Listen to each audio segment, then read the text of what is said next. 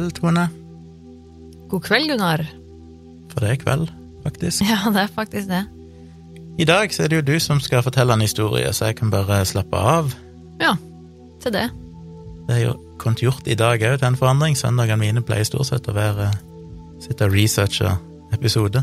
-hmm. Men i dag har jeg kunnet chille mens du har jobba, og nå Ja. kan jeg bare sitte og drikke kaffe. Um, før vi begynner, så må vi jo bare fort minne på at vi har en mailadresse som er virkelig grusomt, at gmail.com, og det er lov å sende inn tips til historier.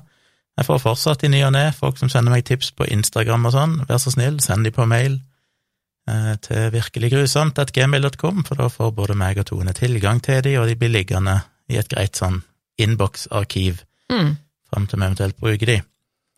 Og så har vi jo ei Facebook-side som òg heter Virkelig grusomt podkast. Gå gjerne inn der og følg dere, like sida, få med dere ting som dukker opp der, blant annet episode, coverart og linker, og av og til en livestream som dere kan chatte med dere i og, og følge med på. Så det var det. Jeg tror ikke jeg skal si så mye mer. Har du eh, brukt et tips i dag, eller har du funnet denne historien en annen plass? Uh, nei, jeg har funnet denne historien på egen hånd. Flink, du. uh, ja, men uh, ikke helt på egen hånd har man jo ikke, på en måte, for man bruker jo gjerne Du bare dikter den opp. Nei, det er det, ikke sant. Jeg har jo ikke, har ikke funnet det på, så et eller annet sted så kommer den jo fra. Men før eh, Jeg skal være så litt sånn sleipende nå, før vi begynner på dagens historie. Nå skal jeg våge meg på en frekk liten plugg. Fordi det er, jeg vet at det er ganske mange ganske mange der ute som, eh, som eh, vet eh, hvem du er, og som er også fan av din og vår venn Dag Sørås podkast, som dere hadde før, som heter Dialogisk. Og jeg må faktisk få lov til, og jeg personlig er jo litt investert i dette og, og også, eh, og er med på litt sånn bak kulissene i Dialogisk. Og er, nå har det faktisk kommet en ny episode av Dialogisk, folkens. Boom! Så eh, for dere som vet hva jeg snakker om nå, og hører eh, ordet dialogisk, og, og det begynner å lyse i øynene deres, så vet du hva du skal gjøre nå. Ja, det ble plutselig en episode etter 15 måneders pause. Så den ligger der dere finner dialogisk. Hvis dere slutter å abonnere, så må dere bare abonnere på nytt. Ja, nei, nei, nei, det er bare Kom må dere dere forbli abonnert, for det kommer nok en episode i ny og ne framover òg. Og tenk, tenk deg hvis det er noen der ute nå som aldri har hørt om dialogisk, som aldri har hørt på dialogisk, og som nå har en hel liksom, katalog med, med masse dialogiske episoder å høre Ja, seg gjennom. Det er det hvert. Det er et eventyr. Jeg er nesten misunnelig på de, på de altså. Men øhm, ja, det var, det var dagens plugg, holdt jeg på å si. Jeg skal i dag fortelle en uh, historie. Den uh, er øh, i uh, Sett i sammenheng med dette som vi har pleid å snakke om i denne podkasten, så vil jeg ikke påstå at den er veldig grusom, men jeg tenker den er vel ganske fascinerende likevel. I hvert fall syns jeg det. Um, og jeg eh, skal, vi, vi skal snakke litt i dag om, eh, Gunnar, litt sånn eh, eh, rebusløp, eller skattejakt. Har du noe forhold til det? Nei, ikke annet enn at jeg likte rebusløp da jeg var liten. Ja, nå er det jo blitt ganske populært med sånn escape room og sånne gøy, type sånne, holdt jeg på å si, real life-spill, Jeg liksom. har ikke prøvd noe geocaching. Nei, og det er jo geocaching eh, begynte jeg på for mange år tilbake, som også var litt gøy, og, så er det jo etter hvert blitt sånn eh, Pokémon Go og sånn, som alle disse på en måte spiller litt på samme prinsippene, det med at man skal ut i den ekte verden og gå på skattejakt. Og det er jo forståelig at folk syns det er gøy, eh, og i dag så tenkte jeg skulle snakke litt om et av disse fenomenene som eh, populært kalt eh, The Game. Mm. Sier det deg noe? Ja, bare den filmen med Michael Douglas. Ja, jeg, jeg, jeg, har jeg tror ikke jeg har sett den. Så hvis, heter The Game? Den handler jo om det, da, at han er med i et sånn live action-rollespill, men så vet Ja. han ikke til slutt helt hva som er skuespill, og hva som er ekte. Ja, for, for det er jo det er litt fascinerende. Det, der. Det, er det, er, dette, det er jo et slags fenomen som på en måte er blitt adaptert til alle mulige slags eh, formater og, og plattformer, vil jeg tro. Men vi skal snakke om eh, ja, altså liksom skattejakt. Og røttene til den, det, det vi på en måte snakker om i dag, som vi kan kalle the game, eh, kan ifølge internettet spores tilbake til eh, 1973. Eh, og det var året da to venner organiserte en eh, skattejakt, hvor man da løser gåter eh, hele natta gjennom eh, over hele byen i eh, Dette var da Los Angeles, med en eh, premie da på førstemann som kom seg gjennom, på 100 dollar. Eh, og da er eh, utgangspunktet for bare sånn veldig enkelt forklart, blir jo da at eh, dette er et, et puslespill hvor da man er enten én og én, eller kanskje en gruppe, hvor da man får en, et puslespill som man skal løse, som da gir deg en ledetråd, og som sier kanskje et sted man skal til. Altså må man komme seg dit, finne fram dit på egen hånd, og så blir man kanskje møtt med et nytt puslespill og en ny ledetråd, osv. Og, så og så er det jo da sånn det på en måte utspiller seg. Og i 1973 så begynte altså dette her i Los Angeles, og i en årrekke så eksisterte denne skattejakten eh, som et eh, slags hemmelig spill, da, eh, og kun åpent eh, for de som visste om det. Så det var en litt sånn, eh, litt sånn undergrunn, litt sånn hemmelig greie, litt sånn kul ting, eh, som holdt på en stund. Men eh, selvfølgelig, når en ting blir populært, så får det jo oppmerksomhet. Og eh, etter hvert så ble det skrevet om det i eh, avisen eh, Los Angeles Times og sånn, og faktisk ble det også laget en Disney-film om dette her. Den- hadde jeg faktisk aldri hørt om, men en Disney-film som ble kalt Midnight Madness. Dette må ha vært Nå sjekka jeg akkurat når den filmen kom ut, men det må ha vært tidlig på 80-tallet. Eh, som da var eh, basert på dette type puslespillet eller skattejakten, eller hva du skal kalle det. da. Og denne filmen her var det som da inspirerte en eh, kar som vi skal snakke litt om i dag, som heter Joe Belfiore. Han er en amerikaner som, som ble veldig fascinert av denne filmen. Han likte den filmen veldig godt, og ville rett og slett begynne å gjøre dette her med vennene sine, så det gjorde han. Eh, Han var vel tenåring på dette tidspunktet, kan jeg tenke meg. Litt sånn, eh, ja. Eh, Og begynte å lage litt sånn rebusløp, skattejakter med vennene sine. Veldig sånn enkle, enkle greier, korte ting. Og etter hvert så ble han student ved Stanford University, faktisk. Um, og han tok da med seg dette spillet, da, uh, den ideen, til campus, uh, og begynte å spille eller lage sånne skattejakter sammen med vennene sine og folk på campus. Uh, som dette, og det ble etter hvert en årlig lek, dette her, eller jakt, eller hva man skal kalle det. En lagbasert begivenhet som ble kalt Bay Area Race Fantastique, eller BARF, eh, aka BARF, eh, som jo betyr eh, oppkast, men eh, uten, uten sammenheng for øvrig, muligens. Eh, det ble veldig populær, eh, og det ble mange som ville være med på dette her etter hvert. Det ble liksom en stor greie, og han ble mer eller mindre litt sånn kjendis på campus, han Joe Belfiore. Um, det ble TV-reportasjer og sånn, og dette her foregikk i, eh, eh, på campus, eller rundt om i byen, da, egentlig. Eh, og um, til slutt, så, etter dette her hadde foregått noen år, så, så ble Barf til slutt bare kalt for The Game.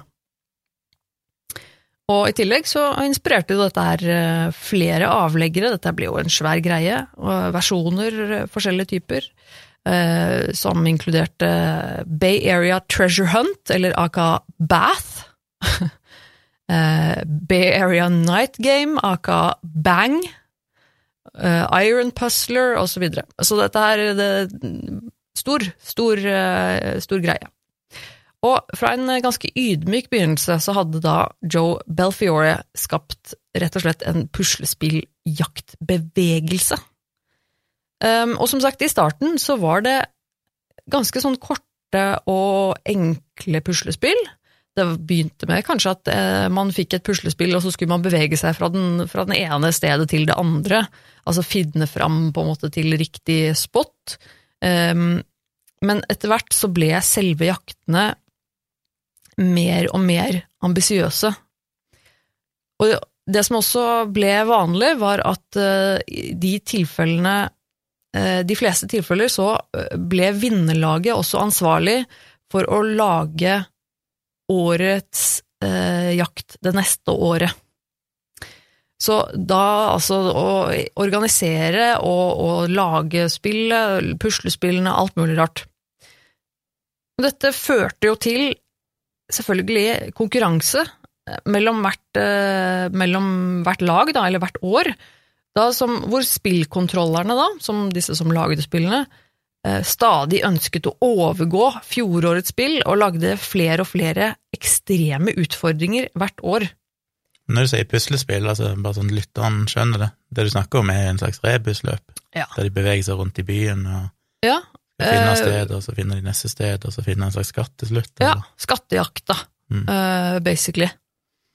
Um, og dette her kunne altså det, Og det, de var jo kreative folk, dette her. Eh, det, det, selvfølgelig, når den ene er kreativ og vi vinner, så eh, vil jo selvfølgelig neste være bedre. Og det kunne bruke alt fra et sånt eh, FM-radiosignal som man skulle finne fram til og høre på, få ledetråder.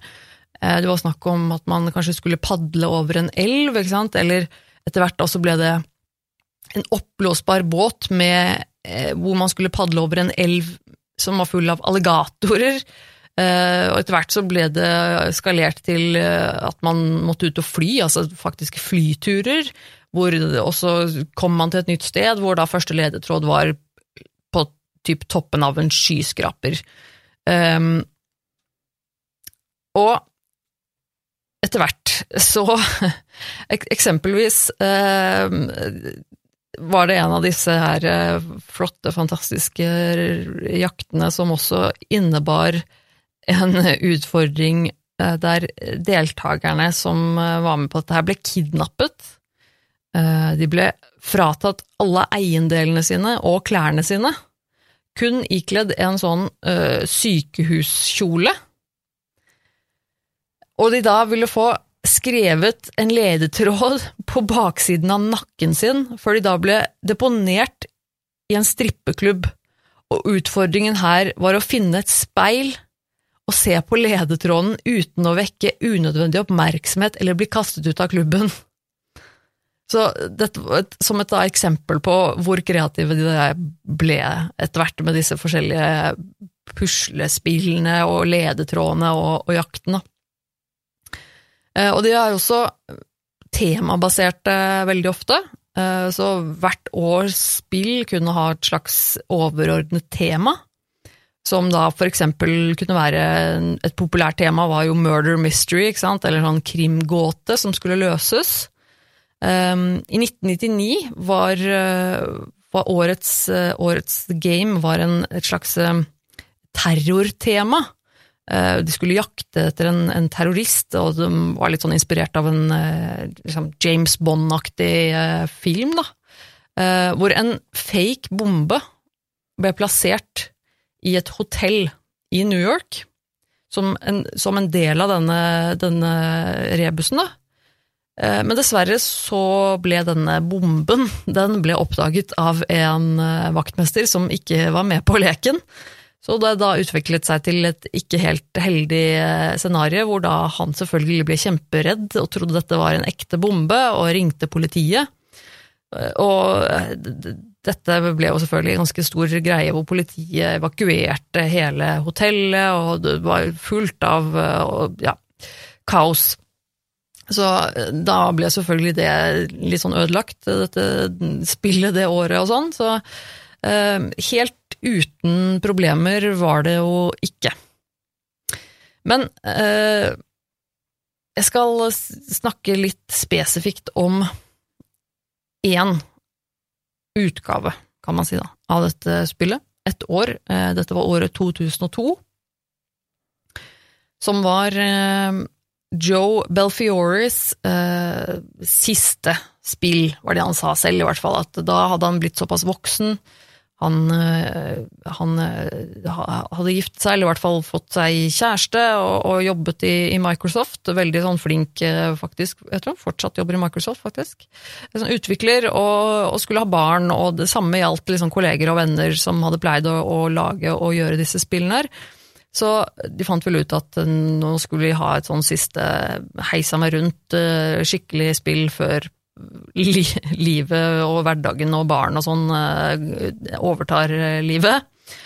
Um, så i 2002 så uh, var årets uh, skattejakt kalt um, Den fikk tittelen Shelby Logans Run.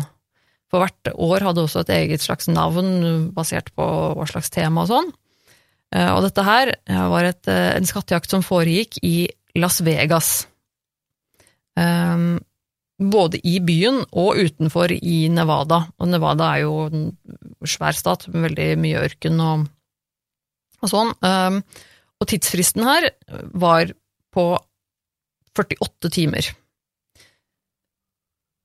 Og dette her var et slags eh, Hva skal jeg si um, ja, det handlet om at de skulle jakte på denne Shelby Logan, da, som visstnok hadde fått implantert en chip i hjernen sin som ville drepe han etter at det var gått 48 timer eller noe sånt noe. Uh, detaljene er ikke så viktige.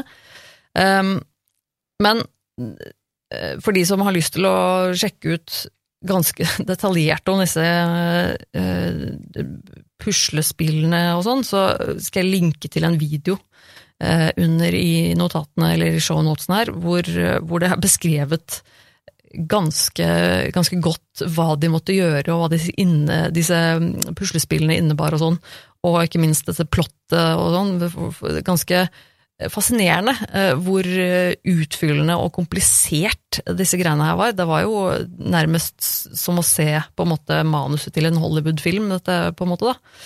Så ganske, ganske drøyt. Og i denne, dette scenarioet her, Shelby Logans Run, så eh, var det noe med at det, det begynte med at eh, hjemme hos deltakerne, disse som er meldt seg på, så plutselig en random dag så kommer det en fyr og banker på døra, som er altså en fremmed fyr som banker på døra og spør etter Shelby Logan, og den personen som da er med i spillet, som bor i huset, kjenner ikke noen person som heter Shelby Logan, aldri hørt om dette her før, vet ikke navnet på spillet, vet ikke at spillet er i gang. Uh, og denne personen står og skriker og blir mer og mer skummel, og det, er ikke måte på, litt sånn spesielt. Og etter hvert så får de en uh, lapp Eh, levert en lapp under døra som står noen sånne rare kryptiske meldinger på, og en telefonnummer, og så må det ringe til eh, Ringer dette telefonnummeret, så kommer de til en, en Witness Protection hotline med en sånn automatisk svarer og noen rare greier. Eh, og en av de som er med på dette spillet her, skjønner jo ikke at dette er en del av årets spill. Så de begynner jo å ringe politiet, og det blir hele Altså, helt syke greier. Um, og det kommer seg etter hvert inn på en sånn nettside de da, som de har laget i forbindelse med dette spillet, hvor de da får vite om eh, en, en person da som, eh, liksom, som heter Shelby Logan, og er, som er i trøbbel, og hvorfor denne personen er i trøbbel, og, og sånn, og så blir det, er det noen koordinater og, og sånn. Etter hvert, da, så blir det i hvert fall tydelig at disse koordinatene de fører til en, en spot ute i ørkenen i El Dorado i Nevada. Um, så lagene, de menneskene da som er med på denne årets rebus, de dro ut disse koordinatene og slo leir da i, i bunnen av noe som da var en uttørret innsjø. Eh, og visstnok så var det storm i løpet av natten, og det var ikke måte på, men eh, dagen etter da, eh, så ble disse ni lagene, det var tydeligvis da ni lag, jeg er litt usikker på hvor mange som var i hvert lag, sikkert et par, tre, fire stykker eller noe sånt. Ehm, så om morgenen ble disse ni lagene vekket av et par helikoptre som snurret lavt over hodet på dem, det kan jeg tenke meg en ganske heftig måte å våkne på, og nesten bli liksom blåst av gårde av eh, helikopter eh, i et telt, eh, for å da slippe de første ledetrådene for hvor de skulle hen, som da var noen sånne sølvballer som var skrevet noen koder på. Og etter det så begynte en utrolig biltur, og de skulle kjøre hundrevis av miles eh, mellom hver liksom, ledetråd. Um, og de måtte eh, klatre opp i eldgamle fjellformasjoner, de måtte utføre en, uh, en striptease på en eh, dragbar på et eh, tidspunkt. Eh, de skulle ha på seg dykkeutstyr, eh, altså padle ut en koordinat ute på, en, eh, ute på et vann, få på seg dykkeutstyr og, og dykke under vann og finne et slags undervannspuslespill som de skulle løse under vann. På et tidspunkt så var det snakk om at de skulle Det var en De fikk holdt opp si, utlevert en, en, en mus som var fanget i et lite bur, eller en rotte, litt usikker, mus eller en rotte. Hvor de da fikk beskjed om at eh, det er rotta som, som har ledetråden. Eh, Og da er liksom ok, de, og da prøver liksom å gi den noe sånn lakserende, så undersøke bæsjen til rotta, det funka ikke. Og så Helt sykt. Etter hvert så viste det seg at de må ta denne musen eller rotten til en nærleggende veterinær for å få dem til å skanne eller ta et røntgenbilde av, av denne rotta, for å få tak i da en sånn chip som var i magen til den rotten som hadde en kode, eller et eller annet sånt. Helt sykt. Men de skulle liksom gjøre dette her uten å skade rotta. Uh, så Nei, det helt, helt sinnssykt uh, opplegg. Uh, og så skulle de skyte 50 runder av et helautomatisk maskingevær uten å gå utenfor målet, for eksempel, var jo visst en av de, så det var ganske spesielt. Um, og alt dette her, hele denne rekka med ting, med både kjøring, reising hit og dit, og alle oppgavene, dette her skal altså ut, utføres og ferdiggjøres innen da 48 timer. Det er liksom det som er tidsfristen. Så det er trygt å si at øh, disse lagene her, de folka her, de, de er eh, De har en ganske, fått en ganske vill dag, eller døgn, med mye eventyr og spenning, eh, og mot slutten, en av de siste postene eh, på, på lista over denne rebusløypa, så er det altså eh, Argentina-gruven, som ligger nær eh, Goodsprings i Nevada. Eh, Og dette her, det har vært en, en aktiv gruve, eh, altså en ekte gruve, da, der, der de har utvunnet eh, sink, sølv og kobber og gull, eh, men har vært da forlatt. Så når de var der da, i 2002, så var dette stedet her, den minen var for lengst forlatt, den var ikke i bruk eh, lenger, eh, men den var ikke stengt. Så altså mange av de åpningene til denne gruven her var jo eh, sto bare åpne og tilgjengelig, noe som i og for seg høres ganske drøyt ut, spør du meg. Eh, på dette tidspunktet her så hadde da disse lagene de har holdt på i eh, mer enn et døgn, altså rundt 30 timer uten stopp. Altså dette, og det er på en måte det er ikke snakk om å ta en, en, en pause her. Det er liksom ikke snakk om å ta en lur og, og, og sove liksom underveis eller noe sånt noe. Um, og på dette tidspunktet her nå, så er vi klokken Klokken er vel litt før halv ni på morgenen da de ankommer. Første lagene ankommer eh, gruven, da, som er dette, dette neste koordinatet. Og spillkontroll, altså de, de som arrangerer hele eh, årets løype og eller et spill, de, eh, de er jo ikke med på selve runnet, på en måte, men, men de holder seg jo litt i bakgrunnen og følger litt med. Eh, og visstnok var det litt sånn at at, at du må på en måte De følger med på enkelte ting underveis, og noen ganger så skal du på en måte kontakte eller ringe telefonnummer, så vet jo de også underveis hvor langt utøveren er kommet, og, og så videre sånn. Eh, og, og hvis det er noe som går galt, så har de selvfølgelig litt sånn at de kan ringe og spørre eller kontakte ikke sant, underveis. Eh, men eh, her hadde da eh, spillkontroll eh, satt opp en, eh, en liten plass da, så, til å ta imot disse deltakerne når de kom.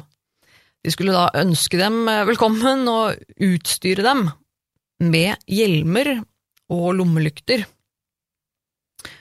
Eh, Og ledetråden som lagene da allerede hadde funnet, som førte dem fram til denne gruen, da, han hadde sagt noe om at de skulle inn, gå inn 1306. Men eh, de visste jo ikke at, på forhånd at dette var en gruve, eller hva 1306 ville si. De eneste de hadde fått vite, var at det var 1306, og eh, skulle da finne en eh, neste ledetråd ca. 100 meter inn i en mørk tunnel i denne gruva. Og her begynner det å gå litt skeis, da.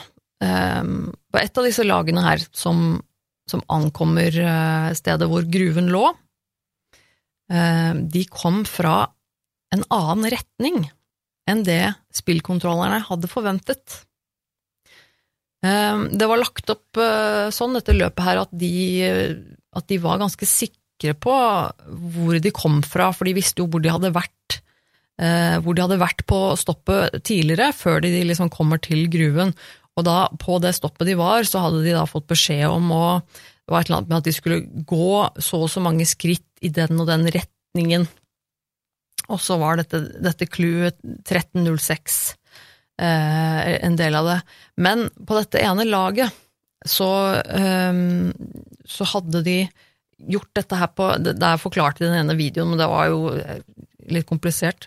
Men de hadde gjort det på en litt annen måte, kalkulert seg ut fra en litt annen måte, så de hadde da kommet igjen litt, fra en litt annen retning. Og lederen eh, på dette laget, han eh, var 37 år gamle Bob Lord, eh, en også Microsoft-ansatt. Han var en familiefar, og hadde nylig Han hadde tre barn, så vidt jeg vet, og hadde nylig lansert eh, sin egen eh, søkemotor, så tydeligvis så var liksom karrieren på, på gang her. Men på dette tidspunktet her så var Bob og de andre helt utslitt og desorientert etter da vanvittige 28 timer på veien. Eh, og det kan nok uten tvil være en eh, stor faktor eh, til det som skjedde videre. Bob og teamet hans de vandret rundt på dette stedet og fulgte da et sett med GPS-koordinater, og visste at de lette etter um, dette 1306 og hadde fått noen koordinater. Eh, de ankom minesjakt 1296.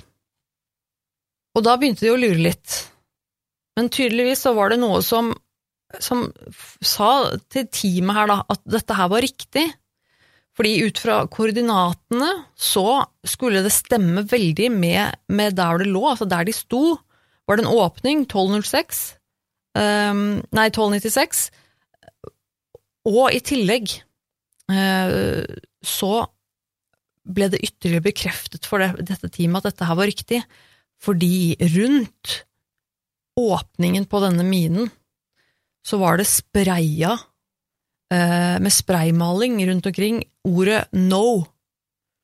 No, no, no, no, no. Og dette hadde jo eh, spillteknikerne, eh, spillkontrollerne, de hadde gjort dette her for å si til folk at ikke de skulle gå inn her. Men tydeligvis så hadde ordet no Det hadde vært en avgjørende del av en tidligere ledetråd i det samme rebusløpet. Så Bob og teamet hans de tenkte jo at dette her, det må jo være riktig, for nå har vi jo igjen dette ordet no, og koordinatene stemmer. Så de tenkte ok, her, her, her skal vi, dette er riktig. Så Bob gikk da eh, først på rekka inn i mørket, inn i denne gruvegangen, og det eneste lyset de hadde, var den glødende skjermen på GPS-en til Bob. For de her fikk jo ikke noe utstyr, de møtte jo aldri game-spillkontrollerne. og de tusla seg innover i denne bekmørke lille gruvesjakten, steg for steg. Eh, helt til plutselig så hørte laget at Bob, eh, som gikk foran, han, han, han snubla. De hørte en lyd som tilsa at han hadde snubla. Og plutselig så forsvant Bob og gløden fra GPS-skjermen hans i mørket. Og uh, de ble litt forfjamsa over hva som hadde skjedd her nå, uh, og begynte å spørre etter han, og det tok litt tid før de skjønte hva som hadde skjedd. Men Bob hadde da falt rett ned en nesten ti meter dyp gruvesjakt. Han traff bunnen av sjakta og brakk nakken. Og da stoppa jo dette spillet ganske brått, kan du si. På dette tidspunktet her så var det kun to lag som hadde rukket å fullføre denne, denne rebusen, og resten av spillet ble selvfølgelig avbrutt øyeblikkelig av spillkontrollerne. De kontakta nødhjelp, og eh, etter noe som ble beskrevet som en veldig lang og veldig vanskelig prosess, å få Bob opp og ut av de her trange sjaktene, fikk de han da endelig ut, og hastet han av gårde på, til nærmeste sykehus. Han levde, men han var veldig alvorlig skada. Eh, lemmene hans ble ødelagt, altså han hadde store skader i, beina, og ene armen hans var vel brukket flere steder, og, og nei, eller begge armene hans var vel brukket. Eh, han hadde også fått eh, en et veldig smell i, i hodet. Så de var jo veldig redd for hjernen hans, at den skulle være alvorlig skadet, i tillegg til at han da hadde flere brudd i nakken, og ville aldri kunne gå igjen hvis han i det hele tatt overlevde dette her.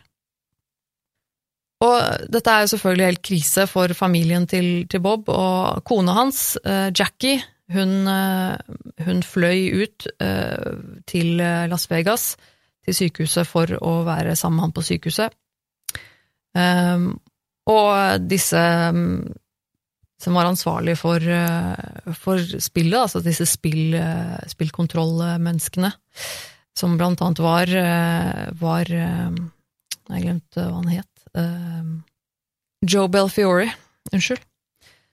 De eh, kom jo selvfølgelig og besøkte eh, ham på sykehuset og hadde med seg ballonger og blomster og, og var selvfølgelig veldig rysta og veldig lei seg over hendelsen.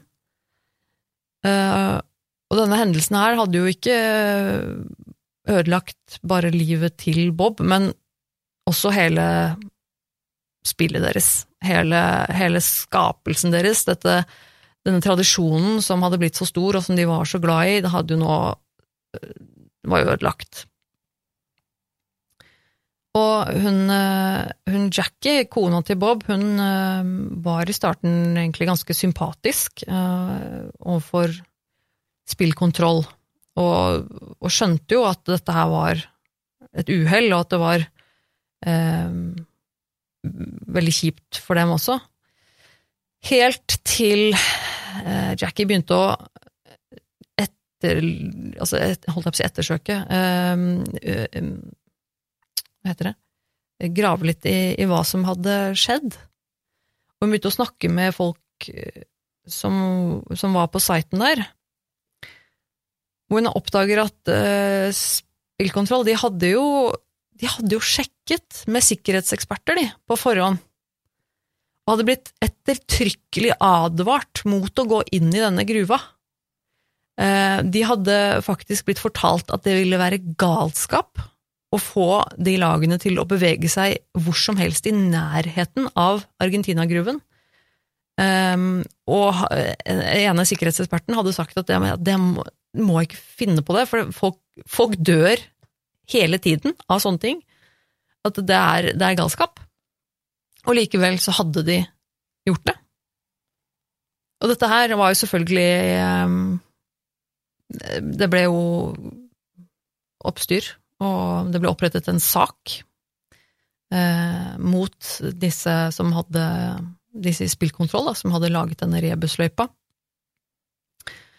Um, det opprettet sak. Uh, det resulterte i et uh, forlik og et oppgjør på 10,5 millioner dollar, som ble da utbetalt til familien Lord, som, som, da en Hva heter det? erstatning? Erstatning, erstatning, ja. Um, det var ett medlem av spillkontroll som ikke ville inn, inngå et forlik, og tok faktisk saken til retten. Og det ble en sak i retten da på et par uker hvor det endte med at denne deltakeren av spillkontroll faktisk ble frikjent, og ble ansett for å ikke ha uh, ikke være ansvarlig for skadene.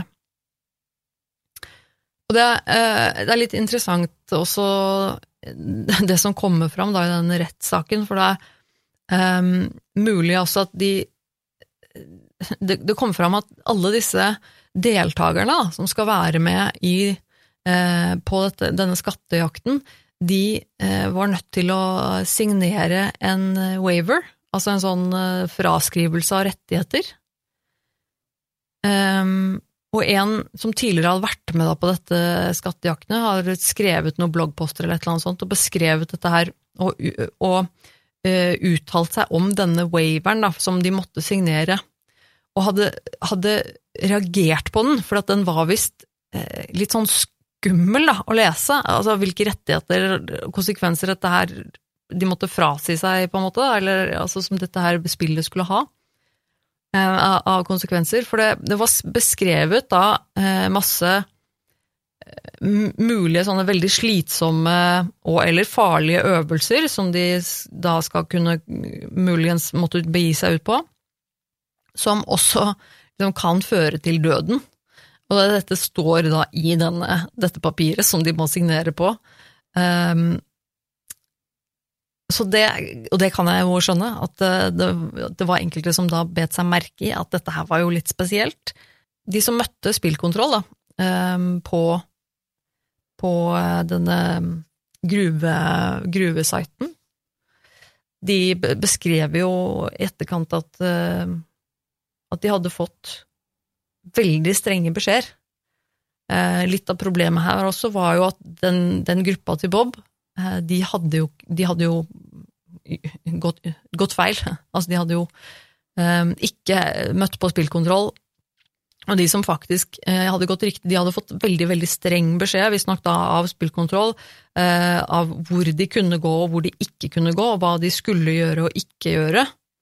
Um, og ikke minst også så hadde jo de fått utlevert noe utstyr, da. De hadde jo fått hjelm, de hadde fått lommelykter, eh, ja, noe sånt noe. Eh, så eh, Ja, og så var det jo en del andre spillere som, som beskrev egentlig dette spillet som ekstremsport, uh, med kjente risikofaktorer, og at man spiller på eget ansvar. På lik linje som man gjør da, med altså diverse andre ekstremsporter, hvor man må ta en, en, en slags risiko også, også med det. Eh, og det var nok muligens derfor også uh, den ene medlemmet av Spillkontroll også slapp straff i retten, også fordi de da tydeligvis kom fram til at at det var såpass stor grad av egenansvar man måtte ta da, når man først var med på dette her. Um, men det er jo selvfølgelig veldig, veldig trist. Um, Bob Lord han uh, overlevde, faktisk, men han ble jo aldri seg selv igjen. Han, eh, han, ble begrenset til en sånn rullestol, eh, sånn elektrisk rullestol. Han kunne bare bevege en finger på den ene hånda. Ellers så var han lam fra, fra brystet og ned. I tillegg så hadde han jo fått denne, dette veldig harde slaget mot, mot, hodet som gjorde at han faktisk mistet synet. I løpet av noen uker så ble han helt blind på det ene øyet, eh, og det andre øyet eh, ble nesten, nesten helt blind på det andre øyet. Han, kunne, han kan visst skimte lys og skygge liksom, på det ene øyet, da, men, men that's it, liksom. Um, og selvfølgelig helt avhengig av familien sin. Han kan jo ikke klare seg selv i det hele tatt, og den avhengigheten eh, krevde mye av familien hans, og hun, Jack Lord, altså kona hans, da, har eh, visst beskrevet eh, i en serie med blogginnlegg eh, som hun skrev den gang, om mye om historien her, og hvordan, hvordan dette har påvirket dem. Da. Og ved en anledning så uh, skrev hun visst uh, følgende sitat Mannen jeg giftet meg med, døde i bunnen av den gruven. I hjernen hans har han brikken som holder minnene om oss, om livet vårt, om barna våre, men han er ikke den samme mannen. Sitat slutt. Noe som jo er ganske hjerteskjærende. Uh, og eh, spillet, The Game, holder fortsatt på. Eh, Men i etterkant så ble det jo litt forandret. Det er jo ikke lenger eh, ikke den samme crazy adrenalin-junkie-type eh, øvelsene eller eh, utfordringene lenger. Eh, Det har jo da blitt mer fokusert på eh, å gjøre det til en eh, trygg eh, spillopplevelse, da, med litt høyere grad av sikkerhet eh, siden da. Det høres veldig gøy ut. De gjør jo det. Jeg hadde elska å være med på det. Iallfall mm, sikkert i den mer moderne formen, hvis det er mer fokusert på si, hjerne enn muskler. mer fokusert på problemløsning, kanskje, enn at du skal gjøre halsbrekkende øvelser, bokstavelig talt. Ja, ja.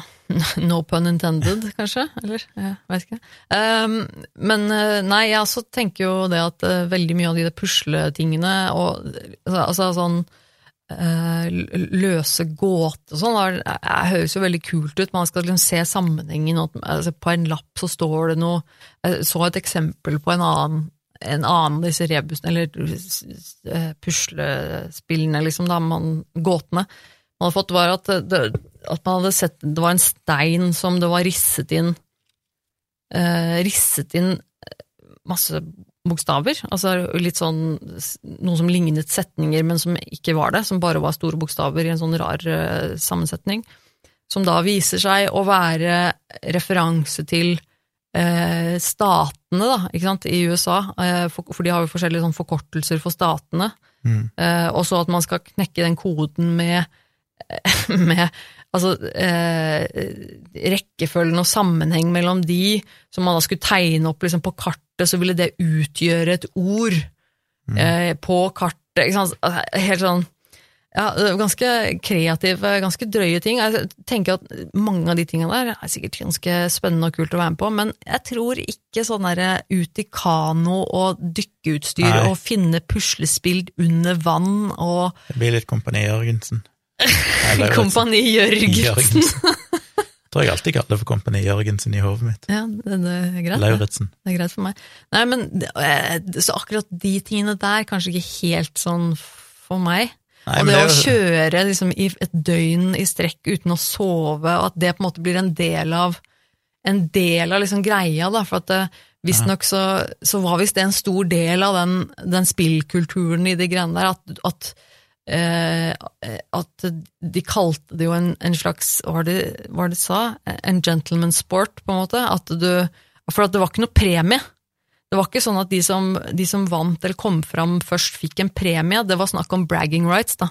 Sånn at de, de kunne skryte på seg og være vinneren og være de flinkeste, og da også få da, selvfølgelig lov til å arrangere neste års spill. Så det, så det ble jo en sånn veldig sånn prestisjeaktig greie. Jeg regner jo med, jeg vet ikke om du har sjekka, men jeg regner jo med de må ha noe sånn andreplass i verden òg. Det er vel ikke bare der. Nei, ja ja. Uh, nei, og dette var jo over uh, altså, store deler av USA, og det er jo garantert masse av dette er rundt om i hele verden. Det er jo ikke noe Det likt, konseptet her er jo veldig det blir jo veldig likt Escape Room, bare Ja, at det ikke er i ett rom. Ja, ikke sant. Eh, Og liksom sånne type skattejakter, og som vi var inne på, det er jo laget både altså, filmer og alle typer konsepter, og, og brettspill og sånn, ikke sant. Alt mulig Mm. av på en måte som går på det samme konseptet. Uh, Men dette her, den, The Game, ble visst liksom en, ja, en litt sånn stor greie, da. Visstnok. Ja, det skjønner jeg. Det virker veldig kult. Vet du hvor mye det koster å delta?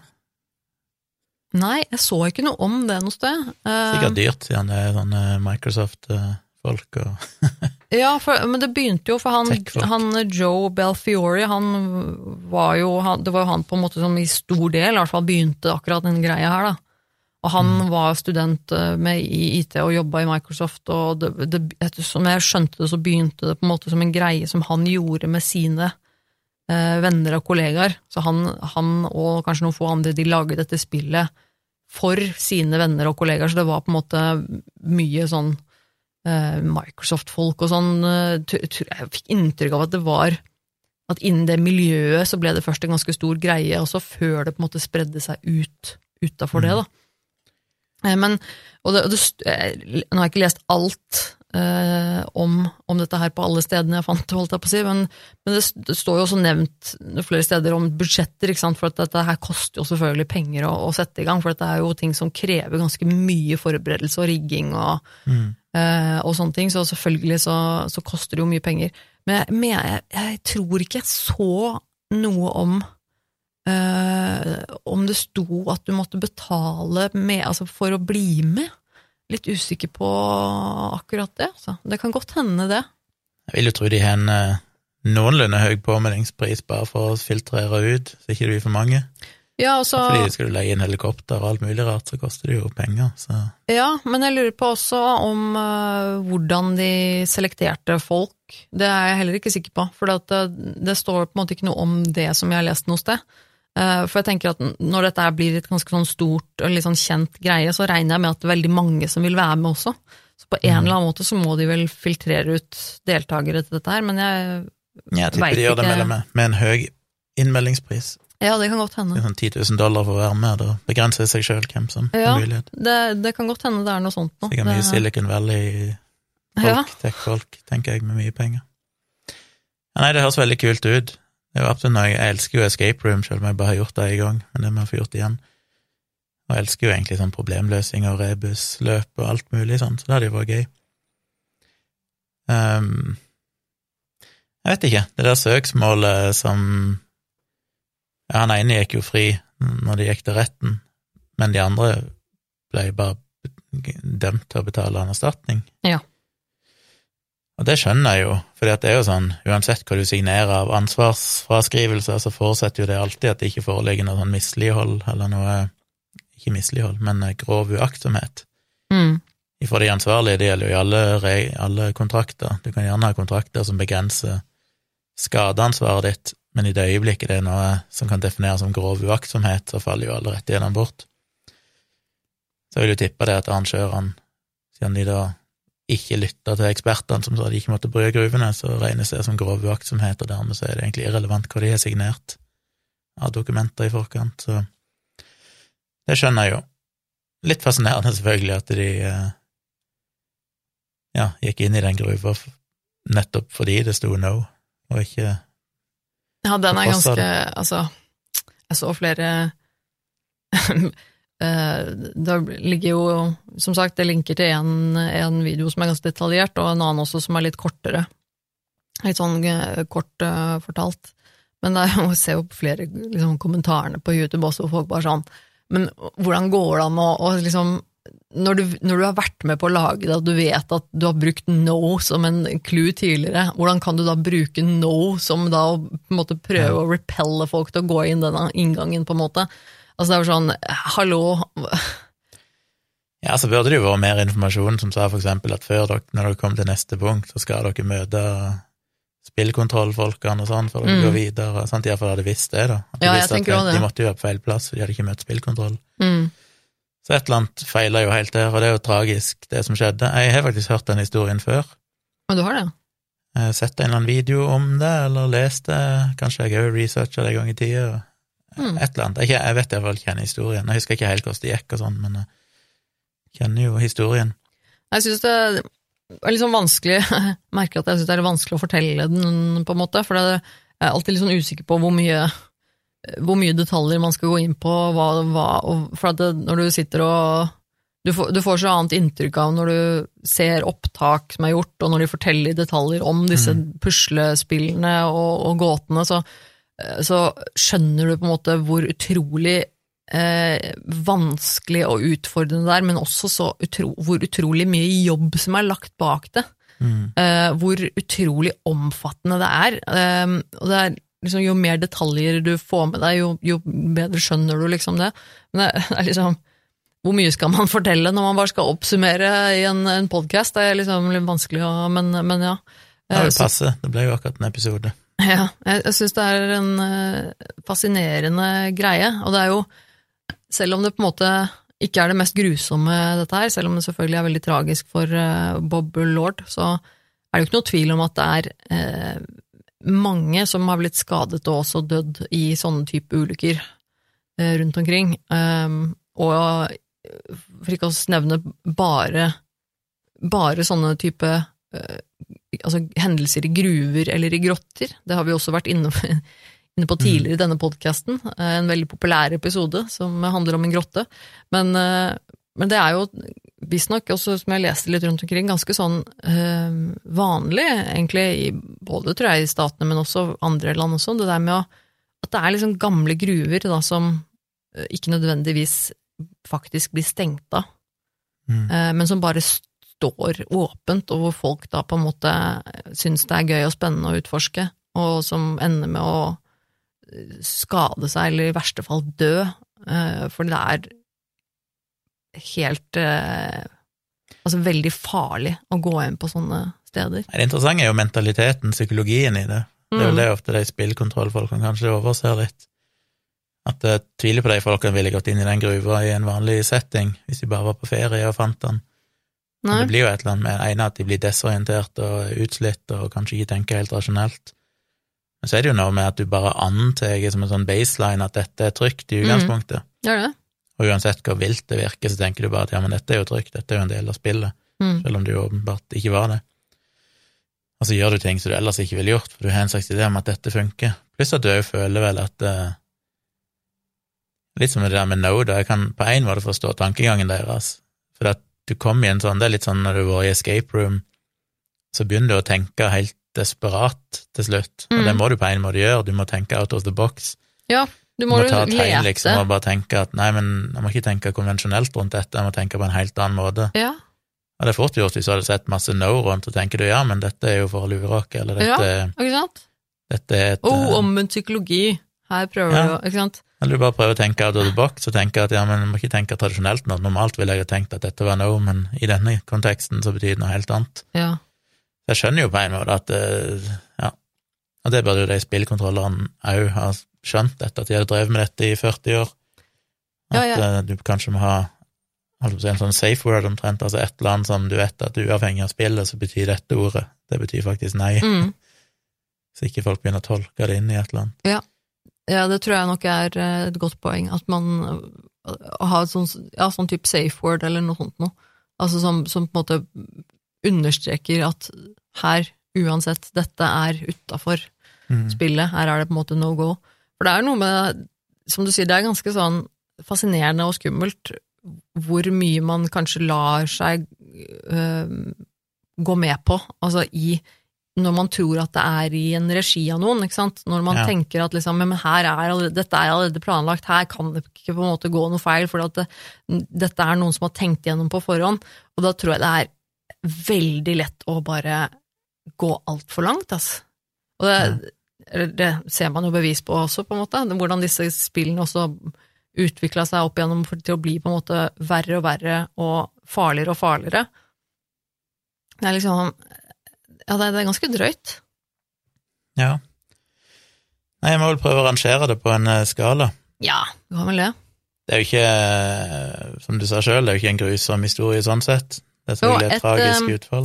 Et aspekt som jeg også eh, syns er litt som, som, jeg syns også var litt uh, Ja, som prega meg litt da jeg sjekka ut den saken her, det var jo akkurat det det med hun eh, Jackie og Bob, da, og det tilfellet der, um, jeg også tenker at jeg syns er et um, holdt jeg på å si interessant, men også veldig tragisk eh, tilfelle som nok også er ganske vanlig, det med at man um, At man, sånn som Bob her, da, som plutselig blir hans liv noe helt annet.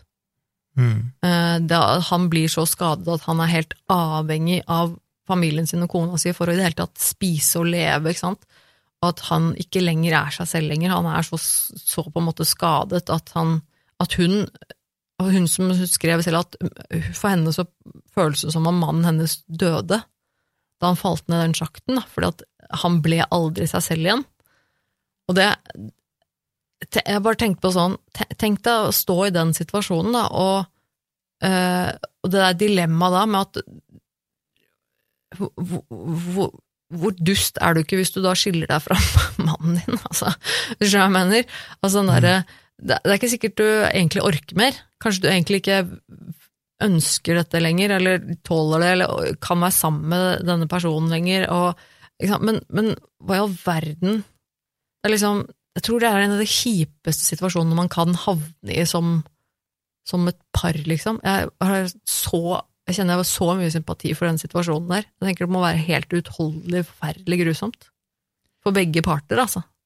Ja, det er akkurat det som er så grusomt. Det ene er jo det om at du har et liv, og hvis du da plutselig skader deg på en måte så du blir fullstendig lam eller blind eller et eller annet sånt, så er det liksom ikke det at livet er ødelagt om du er blind og alt mulig, du kan ha et lykkelig og, og fint liv da òg. Men det er situasjoner du bare tenker sånn, det, nå er det, nå er løpet kjørt, du får ikke gjort, du får ikke endre på historien. Du Mm. hadde den ene sjansen til å leve et vanlig liv, og så fucka det seg til. Ja, og jeg tror for de fleste. Og selv om, som du sier, så er det jo eh, mange som kan ha et fullverdig og fint liv selv om de er blinde eller, eller lamme, ikke sant. Eh, Men jeg tror likevel at for de fleste som, som opplever at det plutselig skjer, så vil jo det være et stort traume i livet. Selvfølgelig. Men det så gjelder det med partneren, da. Det med å bli fanga i den situasjonen.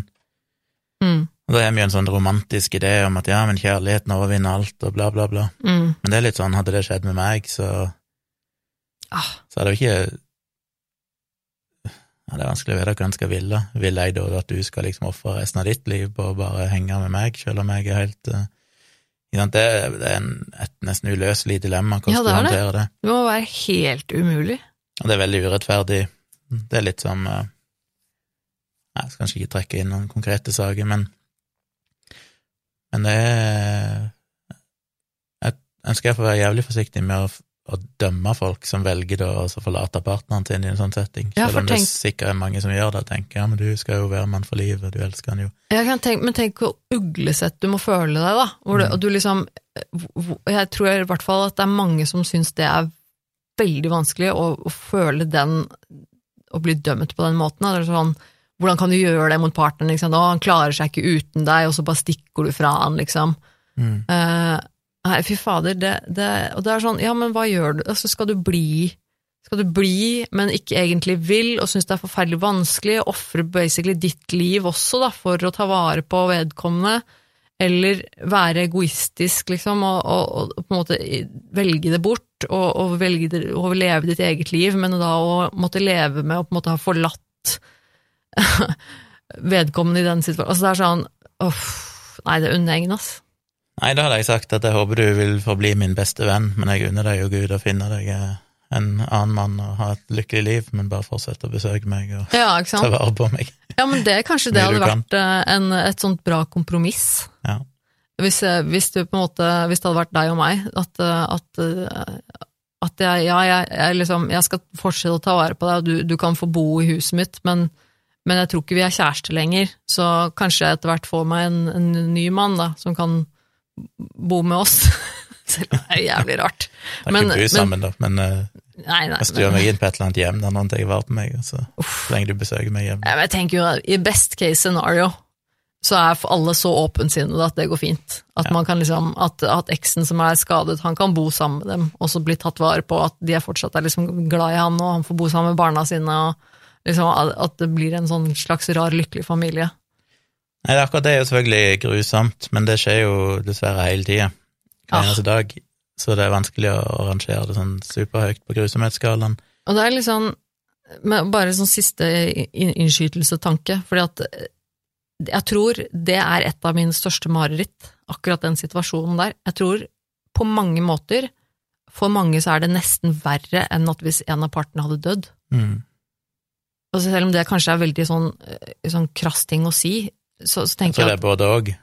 Jeg tror det, ja, det kan aspekter ved det er verre, ja, men tror andre aspekter det, er jo bedre. Så Ja, men altså det er sånn, for du, du kan tenke at ja, men ok, hvis den ene parten hadde dødd, så hadde du i hvert fall så hadde du vært lei deg og trist for alltid, selvfølgelig, det hadde vært helt forferdelig, men da hadde du på en måte kanskje hatt en bedre sjanse til å komme deg videre i livet, mm. kanskje. Ja, men det er sånn Nei, det er litt sånn Ja, nei, uff, ja. Nei, altså spesielt i USA så må det jo være Nå var jo dette folk som jobber i Microsoft og sånn, og de har vel god helseforsikring, så regner jo med at de blir tatt vare på, og de fikk jo en del penger som vel bør dekke ja, mye hjelp. Tilrettelagte biler og utstyr og Mm. hjelper og alt mulig sånn, i lang tid. Men eh, skulle det først skjedd, så er jeg nok glad jeg hadde bodd i Norge, i så fall, ikke i USA. Mm. Så det ikke var avhengig av penger og erstatninger, en hjelp du hadde fått. Ja. I samme grad. Men nei, jeg, jeg kan ikke rangere den veldig høyt på grusomhetsskalaen. Eh, Ingen døde jo, tross alt. Nei, tross alt. Og ingen utførte egentlig noen ondsinna handlinger eller var grusomme. Så eh, det er jo vanskelig å vite når du kommer på de laveste nivåene i grusomhetsskalaen, hvor null er vel en, en helt vanlig dag, og én er litt jævlig, og Nei, jeg vet ikke, to på grusomhetsskalaen. Mm. Jeg tror jeg tenkte det samme, faktisk, at det kanskje er en toer. For Det er jo en jævlig ting for han, han som opplevde det, og kona og familien, men uh, allikevel, med tanke på det vi snakka om tidligere i andre saker, så Ja, ikke sant, for det er jo ikke null, for det er jo fortsatt en, en sykt tragisk eh, skjebne og en Mm. hendelse, men, eh, men likevel så er vi så langt unna mye annet av det vi har snakket om, at jeg, jeg tenker også at to kanskje er riktig. mm. Men det er jo en interessant historie, og jeg har jo sett den som sagt sjøl, så det er jo en historie som har spredt seg mye, og tydeligvis fenger interessen til folk, for det er Jeg tror mange misunner litt det å være med på noe sånt. Det er sikkert det som gjør det at den historien får sånn appell. Ja, det blir jo... hele konseptet er så kult. Ja, det er jo som flere av dem også har på en måte beskrevet det sånn, at det blir jo som å star in a movie, ikke sant? Det blir jo som å være med i en film, Jeg har lyst til å se den der The Game igjen, den filmen, med Michael Ja. Douglas. Jeg husker jeg Mm. digga den i sin tid, den fra 90-tallet eller noe sånt. Sannsynligvis inspirert av akkurat dette her, Mm. selv om det ikke er noen Selv om historien er ganske annerledes. Men til Ja. dere som vil eh, se, finne ut litt mer om akkurat dette, så sjekk linkene i eh, beskrivelsen i podkasten vår. Mm. Det blir jo posta på Facebook. Ikke alle som vet det, men eh, altså, når vi snakker om shownotes, så er det jo da i podkast-appen din, så finner du som regel eh, teksten til hver episode. Av og til så vises den med en gang, andre ganger må du inn på en annen fane der det kanskje står notes, eller noe sånt. Mm. for å se teksten vi skriver, men der skriver vi jo en eh, veldig kort synopsis av historien, og så legger vi, med, legger vi ved linker som kan være greit å klikke seg innom hvis du vil ha mer informasjon, eller se litt bilder eller videoer og sånne ting. Eller så poster vi det helt åpent på Facebook-sida vår. Der finner dere uansett det samme som ligger i shownotes. Pluss eh, coverart som har litt bilder. Mm. Så det var ukas historie. Ja. Da er vi vel tilbake neste uke med en ny historie. Fortsett å sende dere tips på eh, virkeliggrusomt at gmail.com. Så velger vi ofte saker som dere tipser dere om. Takk for at du har hørt på. Husk å rate dere inn i podkast-apper og tips venner og bekjente om podkasten. Vi vil gjerne ha flere lyttere.